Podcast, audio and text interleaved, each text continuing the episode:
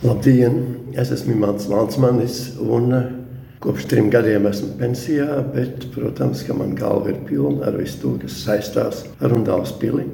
Vai jūs zināt, ka Baltās zāles izveidošana un dekorēšana mūsdienās maksātu vairāk tūkstošu reižu dārgāk nekā tas bija toreiz?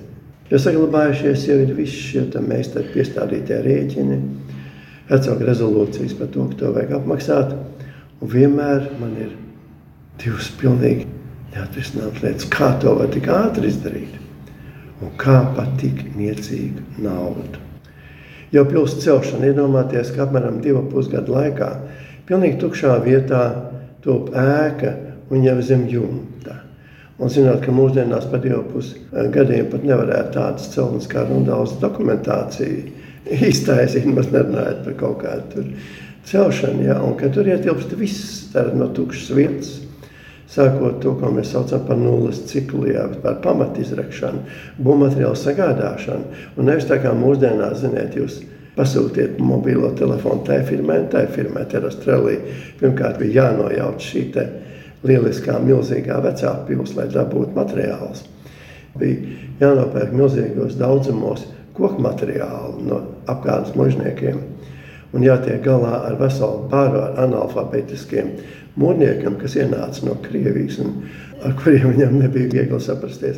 Jā, tā ir viena lieta, bet es gribētu runāt tieši par to otro pilsētas celšanas fāzi. Un tad atgādināšu, ka 1765. gada maijā tiek noslēgts līgums Berlīnē ar tādu tēlnieku dekoratīvo darbu meistaru Johanu Mihēlu Grafu.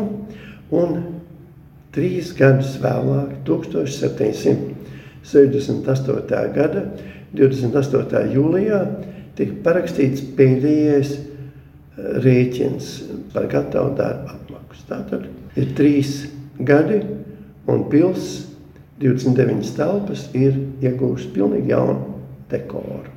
Un, bet šis grafs strādā kopā tikai ar trim meistariem. Vēl. Viņa brālis un vēl divi palīgi. Baltā zāle tika pabeigta apmēram gada laikā. Jo mēs atradām eh, pilsētas griestos vienā vietā, ir ieskrāpēts 19. janvāris. Bet atcerēsimies, ka tajā laikā ziemas ir bargākas, kā mēs esam pieraduši.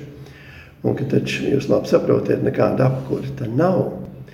Nav nekāda prožektora, kas var vakarā un maz nerunājot par nakti kaut ko apgaismot. Tas pirmkārt jau neaptveram, tad arī tas reālais laiks, kurā var strādāt, taču ārkārtīgi sarūk. Un tik neiedomājamā kvalitātē, ar tādu darbu apjomu, kur kaut kā izvilkt tikai profīlus, ka mēs tad skaitām, cik tur ir elementāri panno profilu vai griestu profilu. Pat nerunājot par bezgalīgi sarežģīto visornamentālo veidojumu masu, kas ir griestos, kur cilvēkam atrodoties uz stalažām augšā, kur viss šī masiņam beig, beigās vienkārši krīt ķīmija iekšā. Un viņam ir jāprot visu to savaldīt, aprēķināt visu šo līniju izskatu, jo viņš ir augšā pie stalažām un nezina, kā tas lejā nokāpjot izskatīsies kā to var izdarīt tik īsā laikā, un par to saņemot 550 dālderus. Nu, Zumbi ir smieklīgi. Protams, jā, dālders tajā laikā daudz ko nozīmēja. Un es tāpēc varu tikai pievest piemēru. Viena franču vīna pudele maksā eh, gandrīz divu dālderi. Vai atkal, teiksim, citu tādu mērvienību. Piemēram, apmēram tajā pašā laikā, kad grafs strādāja, eh, turpat strādā arī gleznotāja Martīna Cukī. Viņi strādā pa gada algu, un tā ir 800 stālderi. Un pavisam mēs samostam, ja paskatāmies vēl kaut kādus citādus rēķinus.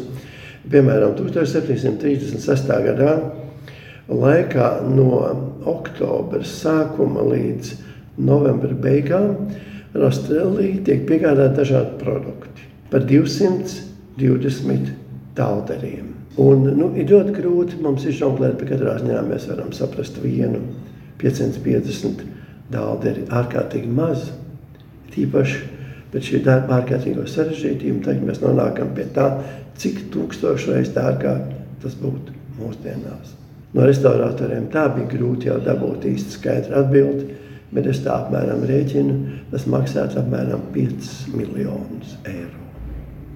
Un arī tad es šaubos, vai mēs dabūtu to kvalitāti. Protams, tas arī ilgtu gadu, gadiem. Un vispār vai tāda kvalitāte būtu iespēja. Diez vai. Mēs vairs neesam tie pārcilvēki, kas bija katrs labs 18. gadsimta amatnieks.